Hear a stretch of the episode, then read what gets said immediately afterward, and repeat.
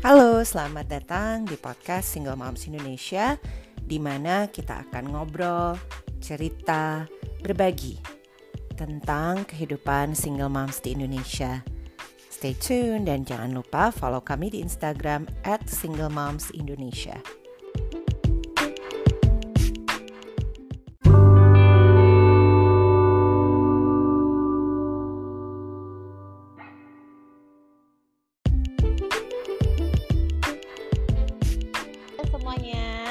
Pagi, siang, sore, malam, dan selamat datang di podcast Single Mom Indonesia.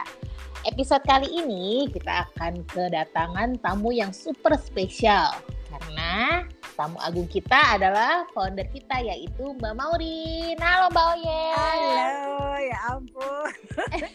Jadi deg-degan. Dan deg-degan dang. Sekarang ini posisi dibalik soalnya. Iya, jadinya deg-degan aku. Gimana kabarnya Mbak Oyen? Sehat Baik, baik, sehat Eta. Gimana Eta? Ini dengan Ibu Eta. Iya, saya Mau dengan Kesayangan. Oh, jadi ini Mbak tolong dong coba diperkenalkan dirinya gitu siapa tahu kan ada member-member yang baru-baru yang belum terlalu tahu banget gitu foundernya siapa sih yang mana sih gitu kan Eh, yang pasti yang kriwil ya. Oh, salah.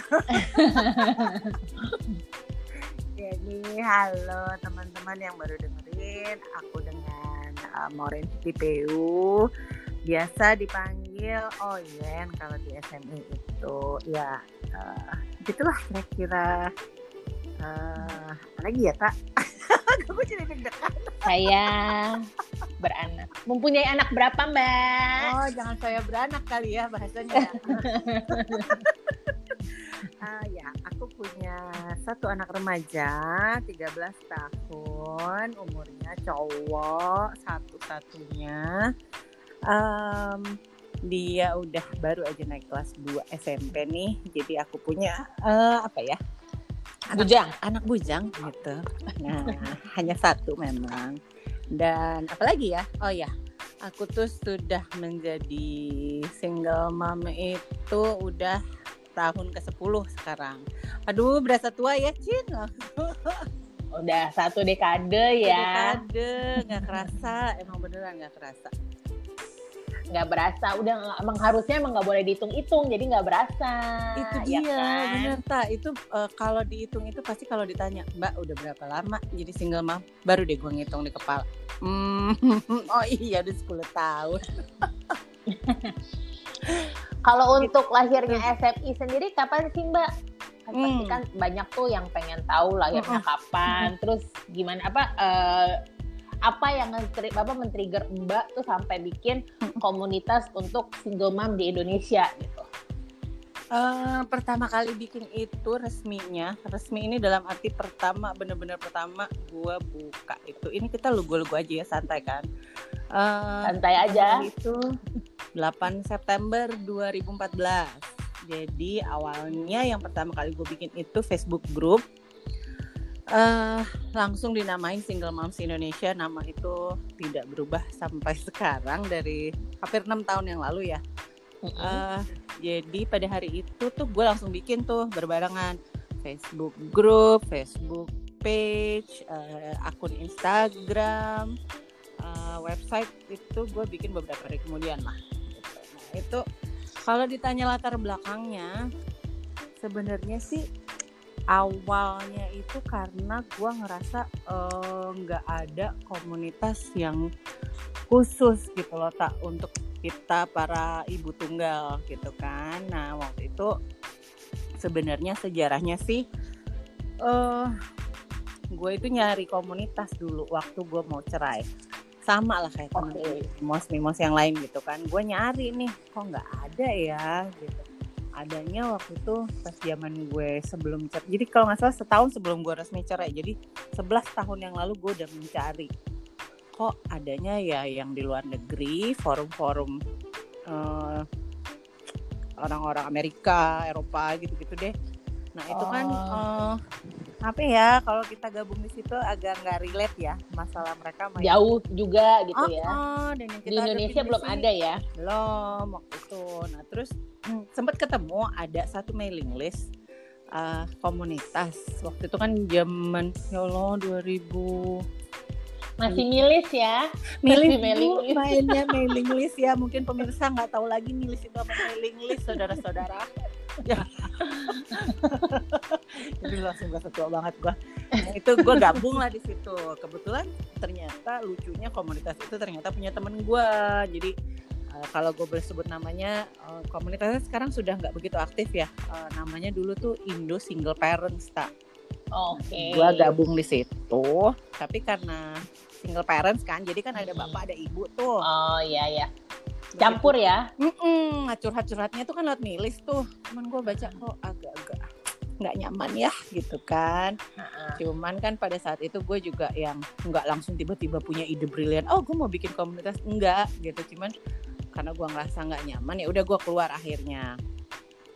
Nah, okay. uh, karena gue backgroundnya blogger juga dulunya jadi gue akhirnya sering nulis deh tuh tentang proses uh, bukan proses perceraiannya ya tapi lebih ke proses emosional gue gitu loh hmm. selama uh, healing gue nulis tentang marahnya gue gue nulis gue tuh sampai dulu sempat nulis saat suratnya uh, apa postingannya udah gue hapus sih karena gue udah sudah melewati masa itu ya masa marah-marah itu jadi gue sempat uh, ada tulisan agak kenceng untuk uh, apa untuk istri barunya Pak mantan oh, oke okay. di website gue dulu kalau ada teman-teman gue anak-anak blogger lama yang yang pernah baca pasti pasti inget deh Nah, berawal dari situ akhirnya gue tuh diundang waktu itu sama uh, Mamis Daily. Gue inget banget Mamis oh, Daily. Oh iya iya, Mamis Daily. Hmm, jadi Mamis Daily bikin launching buku apa sih? Uh, buku tentang single mom itu gue lupa gue uh, apa sih kayak buku antologi gitu tak Hah? nah di situ itu tahun tunggu SMI berdiri 2014 ya? Ini dua tahun sebelumnya jadi 2012an gitu. 2012 hmm. gue diundang sekumpulan ruangan itu isinya ibu tunggal semua. Di situlah gue yang mulai mulai aduh kok nggak ada sih? Masa sih nggak ada komunitasnya yang udah mulai gitu nggak ada kan? wadahnya ya? Nggak uh -uh, ada wadahnya. Sebenarnya ibu-ibu ini satu ruangan kebayang nggak sih uh, pada jadi kayak sharing session akhirnya launching buku itu kan gitu. Jadi pada ngobrol lah pada nangis pada saling nguatin. Nah di situ terus ya udah. Tapi karena gue sibuk kerja jadi ya udah pertemanan gue sama single moms yang ketemu di situ antara hmm. lain itu ada Erika ada Ati dan yang lain-lain ada Mbak Budi gitu kan. Pertama kali ketemu di situ. Tapi karena sibuk kerja ya udah akhirnya nggak nggak apa sih? Nggak lanjut. jadilah si ini ha cuman kita temenan di Facebook tuh terus akhirnya uh, ngumpul. Terus gue lah yang mengeluarkan ide itu bahwa ya udah deh kita bikin aja yuk gitu. Komunitasnya mulailah bikin gitu Facebook grup sampai sekarang Uh, pasti kan teman-teman yang lain ini pasti pengen tahu dong mbak gimana waktu pada saat lo dulu pisah cerai luka batin itu seperti apa terus lo menghandle luka hati lo seperti apa terus apa namanya ibu kan ya kalau ibu tuh kan harus uh, tetap tegar ya di depan anak gitu walaupun seluka apa pun itu. nah lo ngehandle itu gimana mbak Buh, ya babak belur juga sih tak berproses juga ya sama lah kayak kita kita semua gitu. Cuman, uh, cuman mungkin kalau sekarang kan sudah ada wadahnya tuh tak teman-teman hmm. bisa saling curhat di SMI. Kalau dulu karena nggak ada wadahnya ya mau mau gue telenan diri gitu kan. Agak susah juga mau curhat ke siapa kan karena uh, background gue itu nggak ada yang divorce di keluarga gue hmm, jadi okay. gue lah si pemecah telur ini. Pemecah rekor ya. Ember. Jadi agak-agak susah ya gitu. Maksudnya uh, ber, uh, uh, dari sisi keluarga mereka nggak bisa bantu banyak gitu loh. Walaupun mereka luar biasa suportifnya gitu. Ngedukung okay. tuh support system terbesar memang keluarga gitu kan. Iya, emang tapi gitu. untuk um, apa ya untuk proses hidupnya apa uh, perasaannya gitu kan pasti nggak nah, ngerti ya gitu. Karena kan mereka tidak gua, merasakannya. Uh, gue nggak mungkin juga curhat ke mak bapak gue kan gitu kan nggak enak ya.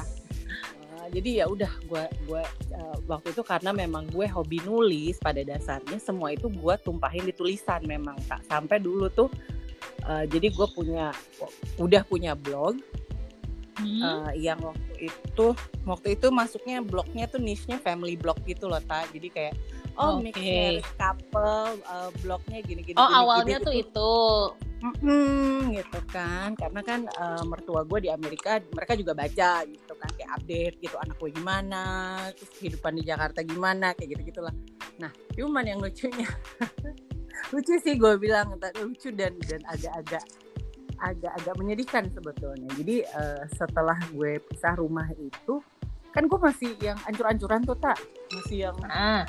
galau nggak jelas aduhnya gimana? Sementara blog gue ini harus tetap jalan karena yang baca blog gue waktu itu banyak banget orang-orang gitu kan. Uh, jadi akhirnya gue kayak yang bohong-bohong gitu tak di blog kayak berpura-pura gue masih happy family gitu. Ini itu capek oh, banget oke. Okay. kalau sekarang mungkin orang uh, bohong-bohongnya hmm. di media sosial. Media sosial ya zaman zaman dulu belum ada Instagram pura-pura bahagia. jangan diikutin ya ibu-ibu ya. jangan diikutin. Betul betul betul. Jangan. Apa adanya, harus apa uh, adanya. Betul, nggak usah pura-pura capek, Cin. Hmm, gue juga ngalamin itu capek banget. Sampai akhirnya gue sampai di titik yang itu lucu banget sih bener-bener lucu kalau gue flashback lagi jadi gue karena stres kan uh, kayak jerawat gue makin parah gitu kan semuka terus mak gue bilang oh, facial deh sana gitu kan. Ke dokter tapi ke dokter dulu kata mak gue gitu. Ya udah gue ngikutin lah gitu kan. Maksud gue ya adalah kali uh, perasaan gue lebih enak gitu kan. Coba-coba ini itu. Terus pas gue ke dokter kulit gitu tak si dokternya nawarin uh, ibu ini ada suntik uh, buat ngebantu jerawat ini itu ini itu. Uh, tapi ada efek sampingnya. Ibu um, uh, apa mau hamil lagi enggak. Terus gue tuh ngejawabnya refleks gitu oh enggak saya udah di, udah divorce. Terus gue bengong dokternya juga bengong. Padahal itu lo nggak nyangka lo bisa segamblang itu yang ngomongnya. Amir, Amir, itu lucu banget. Padahal gue tuh yang belum itu waktu itu surat cerai gue belum kelar tuh tak gitu. Masih proses gitu. Tapi gue gue nggak jawab gitu kan. Terus dari situlah gue yang akhirnya aduh iya kayaknya ya udahlah uh, capek ya pura-pura uh, menutupi status berpura-pura bahagia terus akhirnya gue istilahnya kayak coming out di blog gue gue tulis gitu ya bahwa uh, gue nih lagi going through divorce uh, terus gue bilang sama uh, ya apa di blog itu gue tulis gue uh, butuh waktu untuk ngeberesin masalah ini jadi kalau gue absen uh, tolong dimaklumi ya gitu. Dan itu ternyata support yang gue dapat dari teman-teman sesama bloggers padahal gue belum pernah ketemu kebanyakan sama mereka gitu ya. Itu luar biasa suportif gitu loh tak nah um, jadi gue ambil break dari blogging tapi gue masih tetap nulis nih. Nah menulis itu yang ternyata jadi terapi buat gue tak karena oh, semua gue tumpahin di situ. Berarti cara healing lo itu dengan hmm, uh, menulis, menulis. ya? Betul. Nah mungkin uh, mamis-mamis yang dengar yang masih proses mungkin boleh jadi opsi ya. Karena uh, proses healing ini juga personal ya beda-beda tiap orang beda-beda kan, ya, caranya. uh, itu nggak one size fits all ya, ya. jadi dicarilah yang mana yang enak gitu. Kalau gue waktu itu memang bener-bener uh, menulis lah yang yang uh, nolong gue banyak gitu kan. Di lain juga uh, selain juga gue belajar banyak hal gitu loh tak belajar kayak ya yang belajar memaafkan gitu kan. Awalnya sih ya sama lah kayak semua pasti ada emosi gitu kan ada marah-marahnya. Tetap semuanya butuh proses ya mbak ya? Bener nggak ada yang instan. Kita bikin kopi aja kan mesti mesti airnya mesti dipanasin dulu gitu kan. Mesti diaduk dulu kayak gitu. Jadi emang nggak gampang prosesnya. Gue itu kalau gue hitung mungkin timelinenya sekitar dua tahun lebih ya tak gue berprosesnya. Dari nol banget tuh ya mbak ya. Dari benar-benar dari... apalagi lo benar-benar nol ya benar-benar nol yang eh, nggak uh, ada support group, nggak ada wadahnya, jadi benar-benar yang handle eh. tuh masih sendiri gitu ya. Mm -mm, sendiri, makanya gue tuh suka bilang nih sama teman-teman di SMA gitu sekarang tuh kalian enak loh gue gitu udah ada komunitasnya dulu gue wah boro-boro jukir balik kepala jadi kaki kaki jadi kepala maksudnya garuk-garuk nangis-nangis sendiri gue bilang gitu mau curhat ke siapa gue bilang gitu kan Iya sih, itu paling berat tuh. nah, iya karena kan nggak bisa ngomong ya. Gue iya. juga mau ngomong ke anak gue nggak mungkin gitu kan. Sementara kayak yang lo bilang, kita ibu ada anak yang bergantung sama kita. Gue itu dulu uh, anak gue sampai ingat dulu gue suka nangis. Dia ingat sampai sekarang. Kalau lo tanya dulu mak lo suka nangis? Iya mak gue suka nangis dulu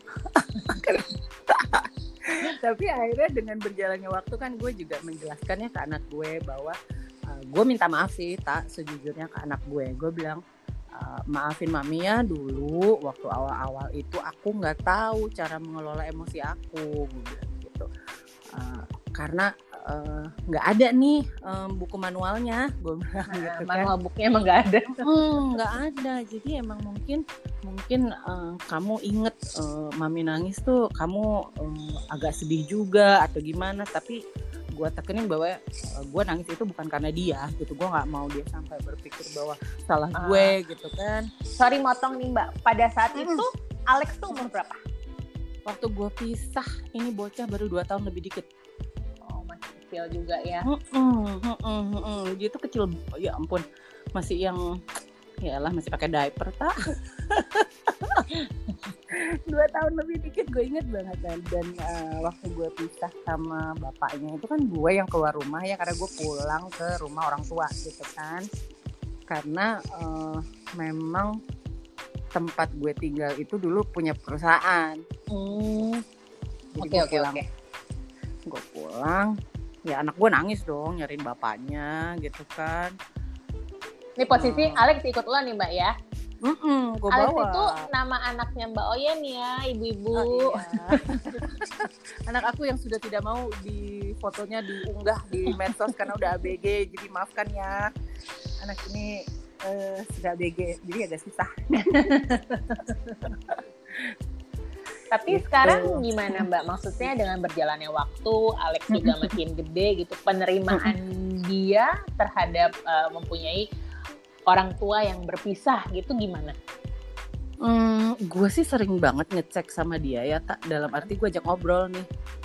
Kamu gimana sih perasaannya gitu kan? Oh tuh sering banget gue cek karena gue dari kecil emang gue bilang sama dia gitu loh bahwa uh, mak bapaknya pisah. Hmm sekarang kamu rumahnya dua gue gituin. Waktu dia masih kecil tuh kan gue anak dua tahun kan nggak ngerti ya konsepnya perceraian itu apa gitu kan.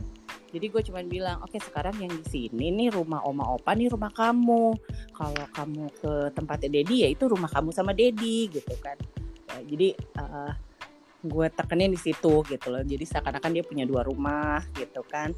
Uh, terus untungnya untungnya tuh uh, proses co-parenting gue sama bapaknya bisa dijalanin gitu loh. Jadi enggak lumayan lancar ya ya.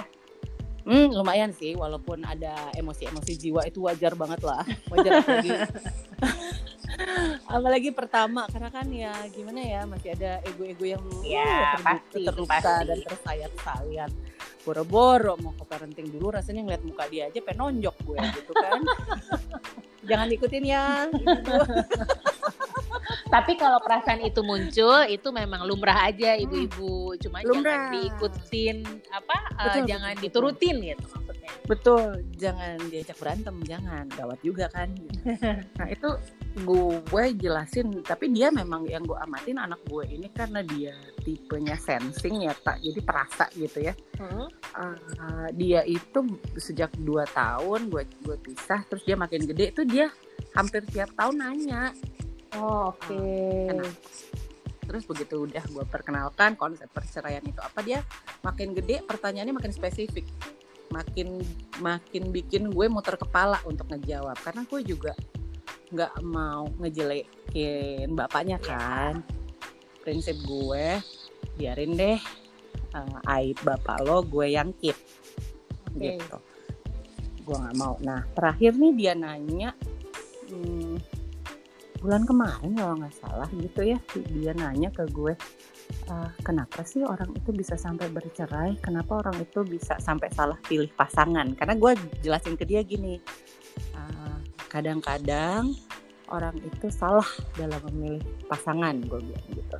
Salah dalam arti gue contohin kasus gue sendiri gitu mm -hmm. gue jelasin bahwa gue dulu waktu nikah sama bapak lo gue itu berharap bapak lo bisa membahagiakan gue kayak di film-film gue impian ya, perempuan ya yang mana ya. ternyata ibu-ibu kebahagiaan hmm? itu hadir dalam diri sendiri bukan Betul, atas bantuan orang lain Betul, jadi uh, eh, gue pun harus mengajarkan ke anak gue bahwa hey kebahagiaan lo itu tanggung jawab lo sendiri jangan uh, mencari dari luar karena nggak akan ketemu. Yang ada lo ekspektasi dan lo kecewa ya, gitu betul, kan? itu betul sekali. Karena gue dulu juga hmm. begitu tuh. Sama ya sama uh, yang membuka pintu batin pintu hati dan batin gue itu adalah pas gue abis kira itu gue nonton film Trolls. Kartun Trolls itu benar-benar yang dari situ yang ah itu bagus banget. Jadi ibu-ibu kalau misalnya drop atau gimana gimana gitu ya nontonlah film itu. Jadi di situ tuh benar-benar yang uh, karena gue beranggapan tuh selama ini adalah sama kayak lo mbak. Gue merit gue pengen happy gue pengen bahagia. Gue pengen dia membahagiakan nah. gue. Tapi setelah gue nonton film itu ya bahagia itu datangnya dari diri lo sendiri. Lo yang menciptakan. Orang itu hanya membantu tapi yang menciptakan itu tetap lo. Betul betul betul. Karena eh, itu emang dan itu buat gue sendiri itu butuh proses lama untuk sampai ke titik bawah oh iya ya ternyata kebahagiaan gue ya tanggung jawab gue sendiri. Kenapa gue on banget gue uh, kayak yang menyalahkan mantan gue? Lo nggak bikin gue bahagia dulu dulu gue begitu tak mindsetnya. Karena di kepala gue namanya habis nikah tuh ya happily ever after. Padahal kan nggak gitu kejadiannya. gitu. nggak gitu mainnya babang jadi ya gue sih uh, so far sih sejauh ini anak gue syukurnya baik-baik aja tak dan mungkin mungkin ya sotoy gue aja sotoy aja gue gue kan bukan psikolog juga ya. Uh, mungkin karena gue terbiasa komunikasiin semuanya ke dia uh -huh. gitu ya dengan dengan um, cara yang bisa dia terima gitu. Dan gue membiasakan gue uh, kalau dia ada pertanyaan dia nanya aja. Jadi dia emang uh, suka nanya gitu. Dan gue jawab pasti sebisa gue gitu kan. Sampai Kayak, sekarang tuh mbak? masih sampai sekarang. Jadi kekepoan anak gue ini sebenarnya uh, ya mungkin itulah yang membuat dia oke oke aja. Karena gue pernah nanya sama dia kamu perasaannya gimana sih? Karena kan di sekolah pasti mungkin cuman kamu gitu yang anak yang dari uh, orang tua berpisah gitu kan. Kamu perasaannya gimana? Anak gue cuman jawabannya santai aja. Ya nggak nggak ngerasa gimana gimana? Biasa aja. Karena mungkin lo sudah apa ya fulfill itu kali ya. Jadi benar-benar yang kayak uh, Alex tuh tidak merasa kalau gue ini nggak punya bapak. Mungkin dari keluarga lo juga bisa menghadirkan figur seorang bapak. Entah dari omnya kan kadang mm -hmm. begitu ya entah dari kakeknya dulu gitu kan. Iya benar benar benar. Ya gue beruntung banget uh, memang keluarga itu keluarga gue support system nomor satu ya gitu. Mereka dari awal gue pisah pun uh, gue punya adik dua cowok gitu ya. Mereka yang sangat protektif sama anak gue gitu loh tak jadi itu juga ngebantu banget terus ya itu satu karena hubungan gue sama bapaknya baik okay dan anak gue bisa ngelihat itu dulu waktu bapaknya masih hidup. Jadi nggak oh, main ya. kubu-kubuan ya? Enggak, enggak sama sekali enggak. Justru kalau dulu waktu dulu nih waktu bapaknya masih hidup, masih di Jakarta, itu kan anak gue uh, dua minggu sekali nginep ya mm -hmm. di rumah bapaknya gitu, dijemput terus diantar lagi gitu. Itu uh, setiap dia pulang pasti dia akan cerita sama gue dan gue pun juga yang excited yang oh ya terus kalian ngapain aja kayak gitu-gitu.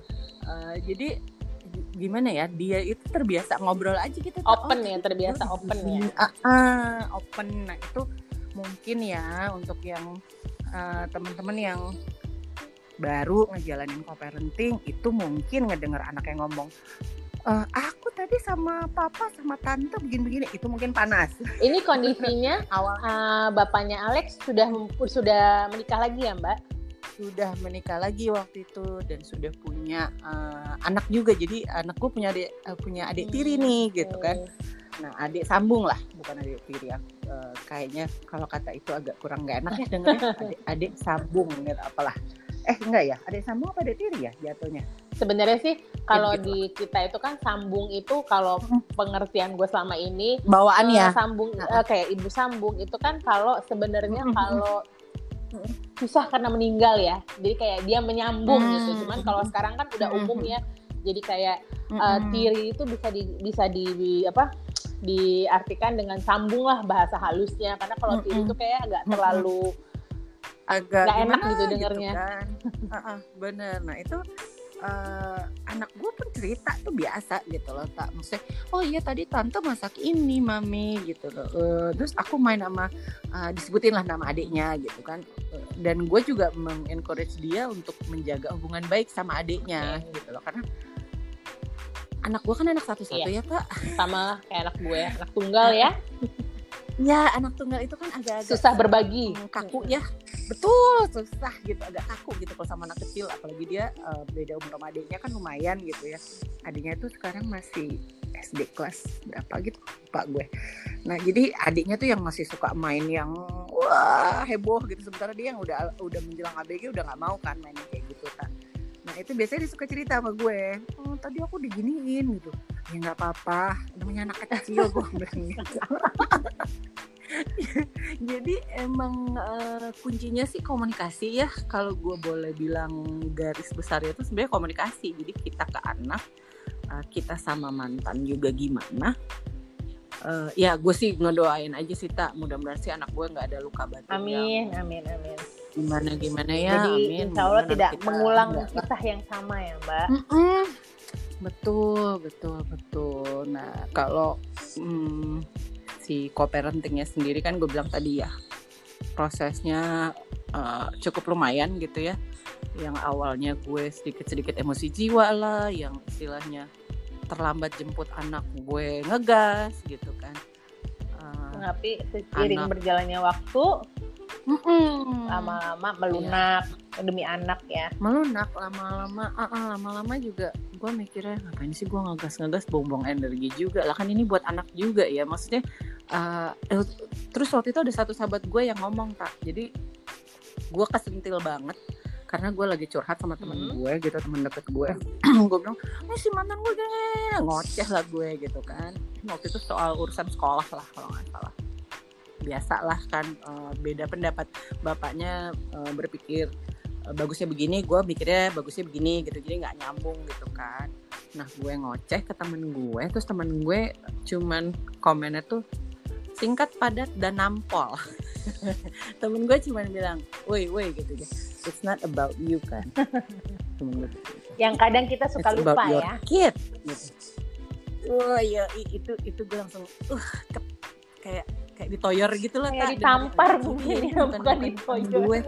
Uh Iya bukan di, eh, ditoyor plus ditampar gue rasa sih. Karena bener-bener ngomongnya dengan muka lempeng gitu gue yang tapi yang gue langsung terdiam gitu langsung aduh ya juga ya. Kan bukan urusannya sama gue ya maksudnya nggak ada urusan pribadinya gitu loh tak tapi karena gue masih bawa baper masih bawa emosi gitu kan jadinya kepancing terus gitu. Lama-lama kan capek ya begitu gue belajar misahin itu bahwa oh ya it's not about you lah it's about anak kita Ah. gitu kan jadinya lebih lebih santai dan eh, dan si mantan ini bapaknya anak gue juga lama-lama jadi nggak Oh, nyebelin oke. gitu loh Tak. jadi dari dia pun ada perubahan mungkin karena dia ngeliat oh iya mantan gue udah nggak ngegas mulu nih udah santai nih. Kenapa jadi gue yang ngegas gitu kali ya? nah jadi tapi memang kuncinya berproses sih Soalnya pelan-pelan emang butuh waktu Iya. juga kan, nggak kayak kayak kitanya pun sendiri dari mulai yang ugal-ugalan hatinya gitu sampai bisa mengikhlaskan Uh. itu kan juga butuh proses ya dan prosesnya itu juga bukan sesuatu yang banget gampang gitu. Ya, balik lagi kayak yang waktu itu gue bilang Banget, nih, dan- apa waktu lo interview gue yang ya semuanya balik lagi ke diri kita sendiri. Kita mau apa enggak? benar benar banget karena uh, yang paling susah dari proses healing itu sebenarnya kalau gue pribadi ya tak adalah di titik di mana gue mengakui oh iya ya ternyata gue juga punya peran andil nih di kegagalan rumah tangga gue. Oh itu iya. beratnya minta ampun karena nggak nggak semua orang kan bisa untuk mengaku pada akhirnya mengakui untuk yang oh iya ya gue salah juga. Kebanyakan kan dari kita yang gue nggak salah, gue tuh udah melakukan semua ah, apa yang dia ah. mau. Yes, betul. Kebanyakan kan yang cerita-cerita yang kalau uh, di awal biasanya itu memang karena kan self protection yeah. ya yang jalan jadi kita kita mencari orang defensif ya gitu supaya kenapa hmm. Defensif ah betul karena itu self defense mechanism juga sih gitu jadi kita tuh udah berasa sakit nih tapi kita butuh yeah. orang nih buat kita salahin gitu kan wajar banget cuman ya lama-lama kalau kata gue nah, nanti terpuruk uh, di situ prosesnya Iya, benar tak. Karena itu kalau kayak apa ya? Kalau gue bilang ya, kayak mirip kayak yeah. lingkaran setan aja. Lu feeling sorry. Aduh, ini kenapa gue begini? Tuhan gak adil. Ini dunia jahat banget sama gue. Begitu gak maju -maju. aja terus. Hati makin sakit. Ah, nah, yang ada ntar bener uh, kata kayak yang lo bilang tak. Jadinya yeah. ke badan. Semuanya kepikiran. Karena lo mendem kan. Tuh jadi ya cari cara untuk berdamai, untuk menerima, memaafkan. Memaafkan ini juga bukan cuma mantan ya, tapi diri sendiri. Betul. Nah, gue itu uh, sadarnya tuh waktu gue bisa akhirnya ikut uh, macam-macam program hmm. healing gitu ya. Meditasi gitu ya, Mbak ya. Gue sadar. Iya, itu juga ngebantu sih gue gitu kan. Uh, tapi memang di awal itu yang paling banyak ngebantu gue ya memang uh, si oh, menulisnya okay. ini. Jadi dan menulisnya itu bener-bener gue tumpahin semua. Nggak ada kayak apa ya istilahnya freestyle kah apakah gue juga nggak ngerti deh. Pokoknya lu tumpahin semua gitu kan. Nah gue tuh pas proses memaafkan diri sendiri itu akhirnya gue bisa mikir gini tak oh iya ya benar juga ya. Dulu kan gue nggak tahu nih ah, bahwa sebenarnya tugas untuk membahagiakan diri gue itu tanggung jawab gue gue bilang gitu. Gue nggak ngerti dulu konsep itu. Jadi gue juga harus memaafkan diri gue karena kalau gue tahu dulu nggak akan begini ujungnya gitu kan. Jadi ada proses mengakui itulah tak berkaca dan oh iya ternyata gue punya andil gitu ya. Dan uh, gue termasuk beruntung karena ini setelah uh, mantan gue itu sama gue hubungannya baik kan akhirnya kami jadi kayak temen tuh. Sampai pernah di posisi yang bisa dia bercanda ngomong sama gue udah sih kapan lu merit gitu. Yang begitu tak sampai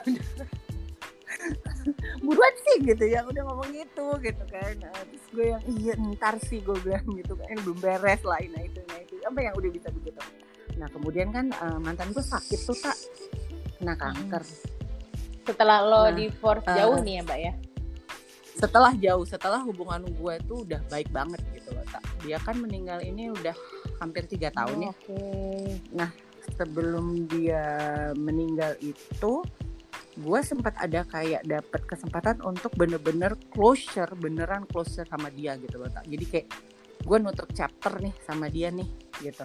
Uh, jadi waktu gue tahu kankernya udah nyebar ke otak udah parah kayak mau udah nggak nolong itu gue bisa uh, chatting sama dia. Karena waktu itu dia nggak mau video call karena dia udah udah payah hmm. gitu ya. Jadi ya tapi masih mau ngetik gitu. Dia bilang uh, terus di situlah gue bilang gitu uh, maafin gue ya. Uh, kalau selama ini gue udah nyakitin lo gue bilang gitu. Uh, mudah-mudahan apa pun yang terjadi ke depannya gue bilang gitu. Lo tuh tetap uh, bagian hidup gue gue bilang gitu. Karena lo udah ngasih uh, Alex nih dalam hidup gue gue bilang gitu kan. Terus ternyata ya di luar di luar dugaan gue gue tadinya pikir dia bakalan karena dia tipe orangnya cuek gitu tak gue tadinya bakalan uh, apa mikirnya pasti dia yang ah udah lalu gitu kan. Ternyata enggak dong ternyata dia tuh yang nulis panjang kali lebar. Terus dia bilang uh, intinya uh, iya gue juga minta maaf ya udah nyakitin lo dulu gitu kan.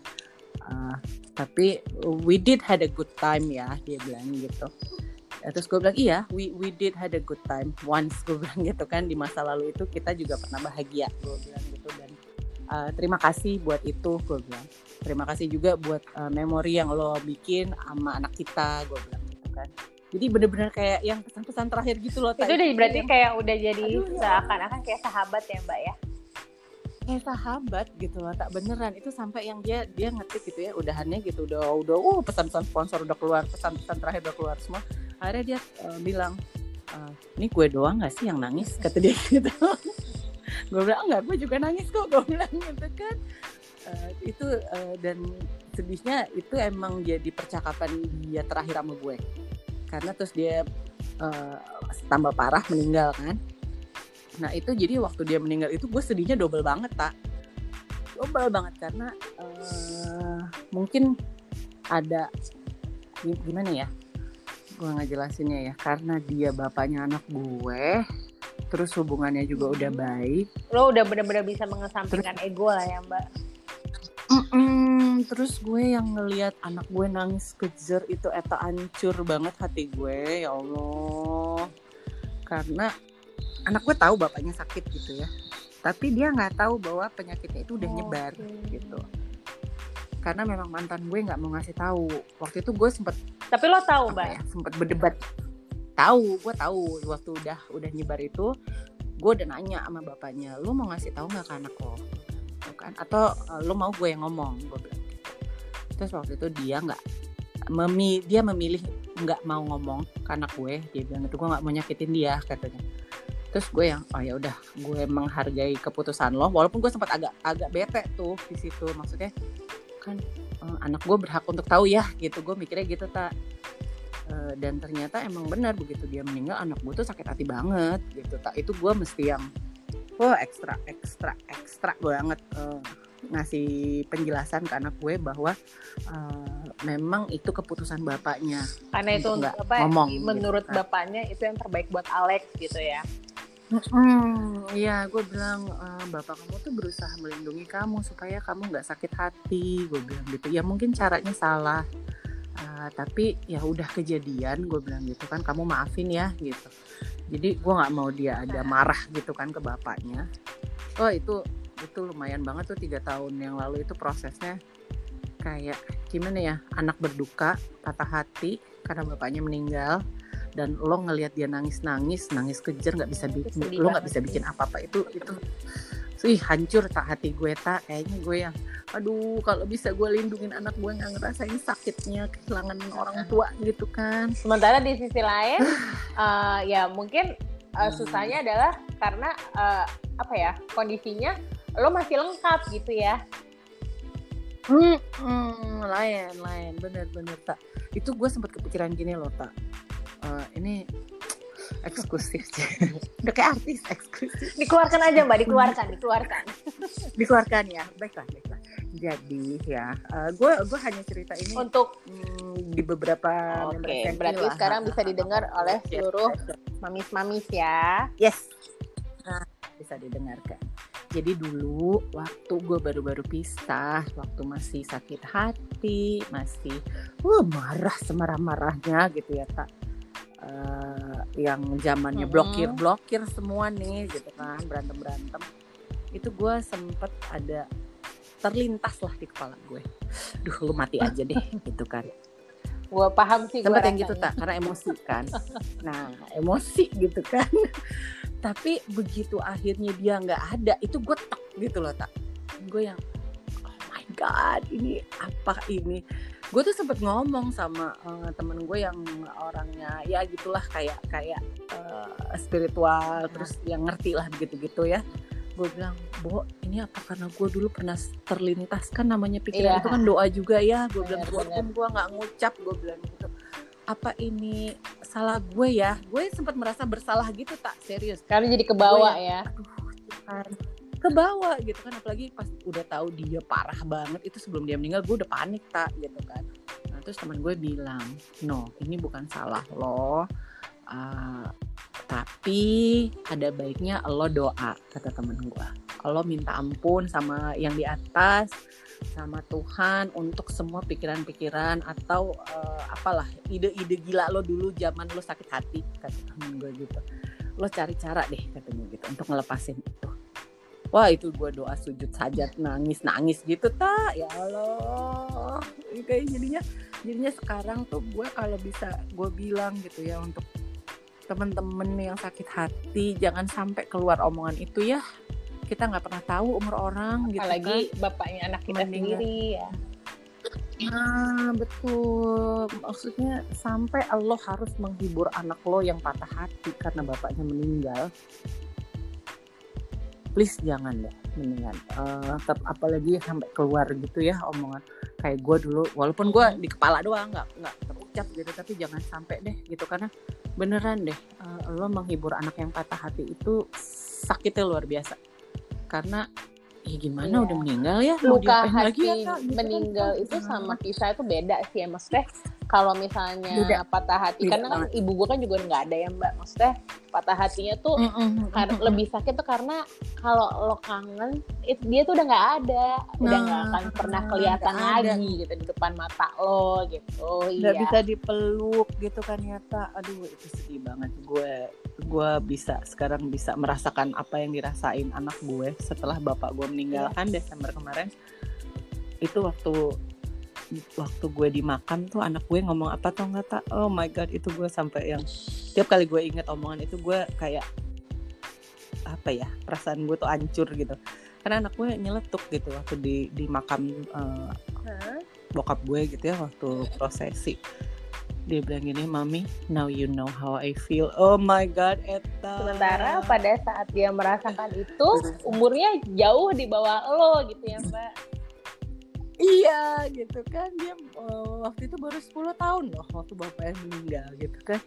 Dan itu meninggalnya juga uh, cukup cepet gitu loh tak prosesnya gitu kan. Jadi yang kayaknya kita kita tuh nggak gue ngerasa sebagai ibu gue nggak nggak mempersiapkan anak gue nih untuk uh, kabar terburuk itu gitu kan eh gantian begitu gue yang mengalami kehilangan orang tua anak gue yang menghibur gue itu tuh aduh ya ampun sedih banget sih sebenarnya tapi uh, ya bersyukur juga gitu loh bahwa anak gue cukup dewasa ya. uh, iya ternyata dia uh, apa ya malah jadi gantian dia yang nguatin gue gitu in a way gitu kan.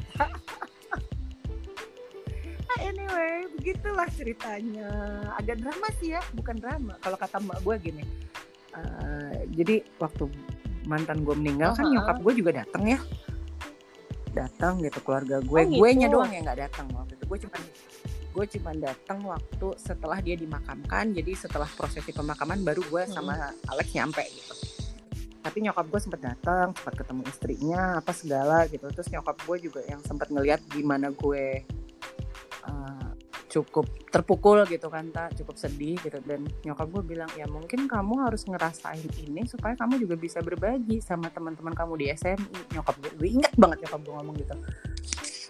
Terus tapi karena waktu itu masih emosinya masih kacau balau kan gue yang dengar tapi masih ke kepala connect ya? gitu loh tak nggak nyampe nggak nyampe beneran. Cuman kalau gue akhirnya gue pikir dan gue proses lagi iya bener juga ya. Jadi mungkin gue bisa relate sedikit lah paling nggak sama teman-teman yang suaminya meninggal. Yang dipisahkan oleh maut mereka ya. harus uh, ya betul betul.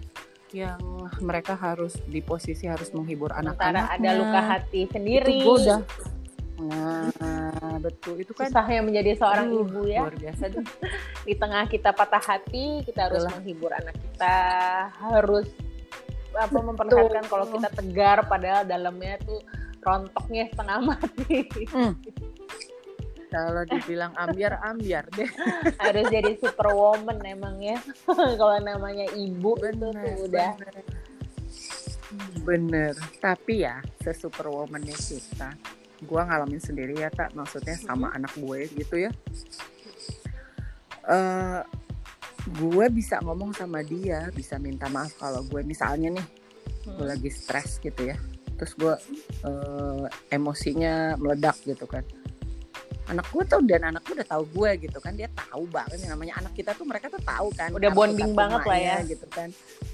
Ah udah gitu kan. Jadi anak gue pasti gini mami kamu lagi stres ya iya. Maafin ya. Gue cuman gitu tak jadi kayak jadi udah paham ya ini kalau mak gue lagi begini nih gue harus gimana gitu tahu ya. Biar dia nggak tambah kisruh lagi. Dan ember dan gue tuh selalu bilang gitu kalau uh, aku lagi stres dan meledak itu bukan salah kamu ya. Itu karena aku nggak bisa memanage emosi aja. Gue suka bilang gitu tak karena gue nggak mau dia ngerasa nggak mau gue gara-gara gue gitu loh tak iya. anak, anak satu-satu kan. Nggak ada teman berbagi soalnya kan. Jadi kayak dia harus nah, apa ya uh, apa kayak bertanggung jawab menanggung beban yang sebenarnya umurnya itu belum hmm. belum seharusnya gitu. Iya. Sebenarnya nggak boleh. Bener bener sebenarnya itu bukan tanggung jawab dia untuk bikin gua ngerasa fine aja enggak itu bukan job dia. Dan gue pernah ngomong sama anak gue eh by the way itu bukan job kamu ya buat bikin aku perasaannya gimana gimana? Kamu uh, kerjain aja apa yang mesti kamu kerjain. Gue bilang gitu kan sekolah yang bener belajar yang bener sopan sama semua orang baik gitu ya. Uh, oh dia cuma iya iya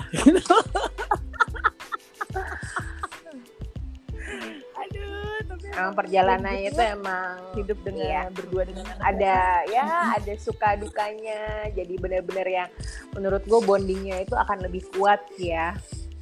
Karena kan apalagi uh, benar-benar oh, yang ya, ayah karena ya. hanya berdua kan bisa yang benar-benar yang oh mak gue tuh begini mm -mm. gitu.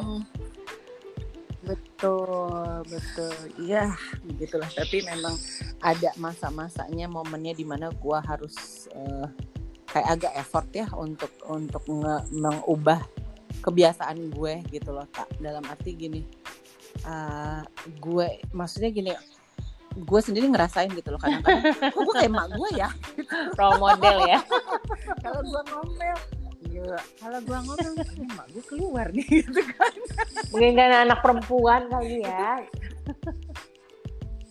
Uh, mungkin kali ya cuman aku udah pabriknya udah tutup terus nih mbak. Jadi uh, kan gimana, uh, berarti SMI itu sudah enam tahun ya? Oh, udah masuk tahun ke Kalau anak tuh udah mau SD nih ya. Di enam tahun ini nih uh, ada nggak sih yang kayak lo berkesan banget bener-bener yang lo tuh nggak nyangka gitu loh kalau SMI itu akan menjadi sebegitunya gitu.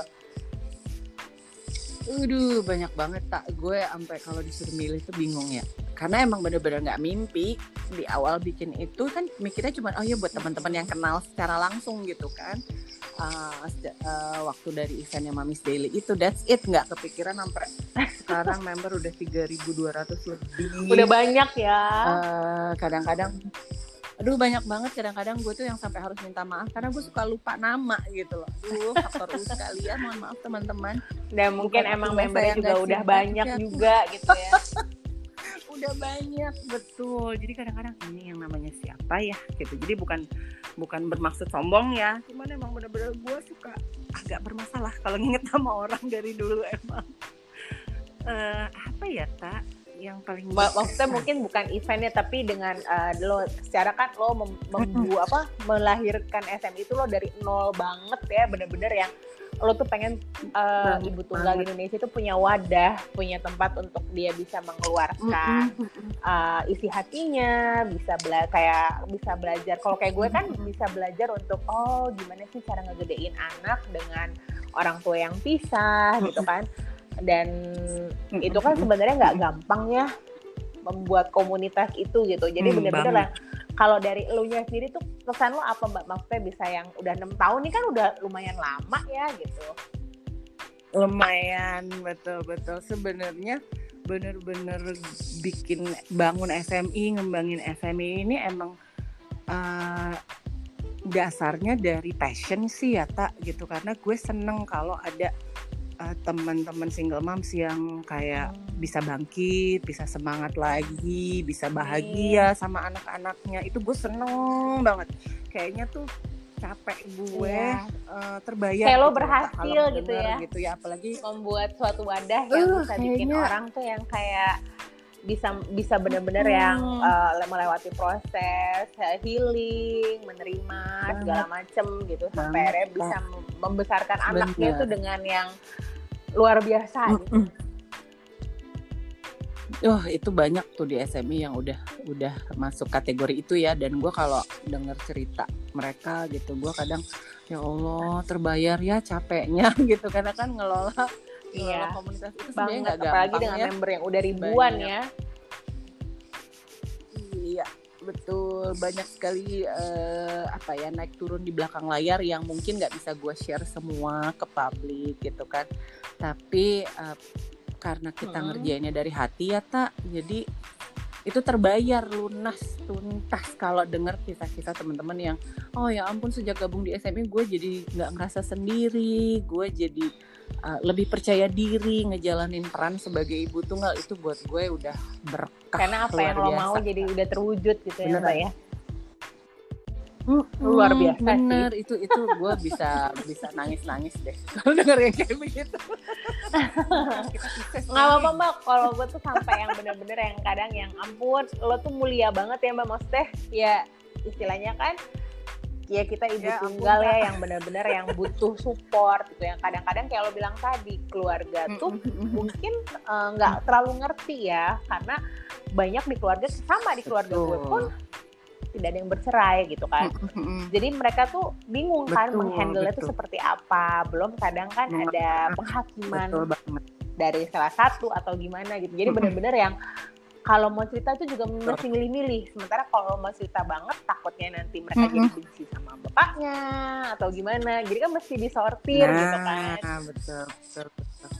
Betul, ada hal-hal yang uh, kita nggak bisa uh-uh. dikeluarin di keluarga gitu. Iya. Walaupun mereka tuh support system sebetulnya. Betul sih, setuju sih. Iya, kalau gue tuh benar-benar ya ampun mbak, sehat ya. Lo, gue berterima kasih banget maksudnya lo Aduh, sudah mem- membuat suatu wadah Aduh, untuk kita sama-sama. nih para ibu tunggal untuk bersama-sama gitu lo bareng-bareng ngebangun bahu membahu gitu kan secara sesama perempuan. Tuh itu yang betul itu yang gue gue suka. Terharu ya kadang ya gitu ngeliat di SMI itu gimana teman-teman itu saling support. Itu udah jalan banget tak udah jalan sendiri gitu ya. Gue tuh kayak yang kadang-kadang gue merhatiin gitu ya di dalam Facebook gitu uh, di grup kalau ada yang curhat ya group, saling gitu. membangun ya. Ada yang curhat itu uh, banyak banget yang langsung ah sini peluk dulu sini gitu. Itu gue yang aduh kayaknya ya, itu insting sih ya, sama gitu, perempuan gitu. kan karena kan kita ngerasanya senasib penanggungan ya soalnya. Nah itu luar biasa. Banyaklah perempuan-perempuan hebat di SMI itu. Jadi gue pun bisa dibilang uh, banyak sekali dapat pembelajaran hidup tuh dari SMI juga Terus, sih Mbak, lo gitu loh. apa pesan-pesan apa nih yang pengen lo kasih ke mamis-mamis nih biar mereka tuh tegar gitu lah menghadapi hidup biar nggak selalu berkubang dengan sakit hati sedih atau apa karena kan harus uh, berdiri ya maksudnya karena kan ya balik lagi kita kan ibu ya kita Betul. punya anak kita punya ada yang bergantung Betul. di kita gitu loh Betul. apa sih yang uh, ada nggak sih pesan-pesan dari lo tuh biar kita nih para ibu-ibu tunggal ini tuh benar-benar yang bisa yang ayo kita harus move on bukan move on dari masa lalu aja tapi benar-benar move on untuk hidup kita ke depan. Nggak usah nengok-nengok lagi lah ke belakang. Nah. belakang tuh pelajaran aja udah gitu. Tidak mengulangi kesalahan yang sama. Bener udah lewat. Amin. Udah lewat juga kan? Mm. jangan sampai diulang lagi pelajarannya ya. Uh, kalau pesan gue sih Riata gue tuh harapan gue sebenarnya yang paling besar untuk nggak cuman untuk uh, single mom sebetulnya tapi untuk semua perempuan gitu loh. Uh, gue tuh pengennya perempuan itu bisa bener-bener cinta ya, sama diri sendiri ya. kenapa? Self love kenapa itu itu dulu dasarnya? Kenapa? Karena kalau lo sudah cinta sama diri lo sendiri lo akan punya yang namanya batasan boundaries. Nah boundaries lo ini yang akan nantinya jadi kayak semacam pegangan lo, guide lo, peta lo. Kalau ada orang yang mencoba menerobos batasan-batasan yang lo udah siapin buat diri lo sendiri, misalnya gue nggak mau uh, punya pasangan yang controlling, yang tidak menghargai gue gitu kan. di saat ada orang yang masuk seperti itu kalau boundaries lo self love lo kuat lo akan bisa ngelewatin itu gitu loh bisa sih. berdiri kokoh juga di atas kaki sendiri gitu karena ada anak-anak yang lebih Karena kita emang harus memvalue diri kita ya kalau diri kita tuh tidak serendah itu. gitu. Nah, betul betul. Kadang-kadang eh, sedih ya, maksudnya eh, memang budaya mungkin ada unsur budaya ya gitu. Gua kita per- perempuan di Indonesia itu demandnya tinggi banget. Perempuan harus bisa masak, harus bisa eh, ina itu ina itu harus Luar biasa eh, tuntutannya ya. terus. Ina, ya ampun, pressure-nya tinggi. Pressure-nya tinggi banget. Perempuan Indonesia itu luar biasa. Uh, tapi di situ gue ngeliat wah kita nih kuat nih sebenarnya gitu loh. Cuman balik lagi self love-nya dikencengin. Nanti kalau udah itu pelan-pelan deh semuanya tuh bisa bisa ditata kembali lah. Walaupun kita istilahnya yang single moms harus mulai dari nol lagi ngebangun hidup lagi sama anak. Percaya deh. uh, lo nggak sendiri, ada teman-teman di SMI juga yang saling menguatkan, ada Tuhan yang nggak pernah tidur, yang nggak pernah ninggalin lo Jadi dan anak ibu-ibu poinnya adalah setelah bangkit sembuh pelan-pelan yaitu harus mencintai diri sendiri. Hmm. Tapi bukan berarti egonya digedein ya. Tuh. Mencintainya dalam arti kata yang iya, berbeda. salah. self love. Betul, self love itu bukan egois ya dan self love itu jangan diartikan sebagai narsistik beda.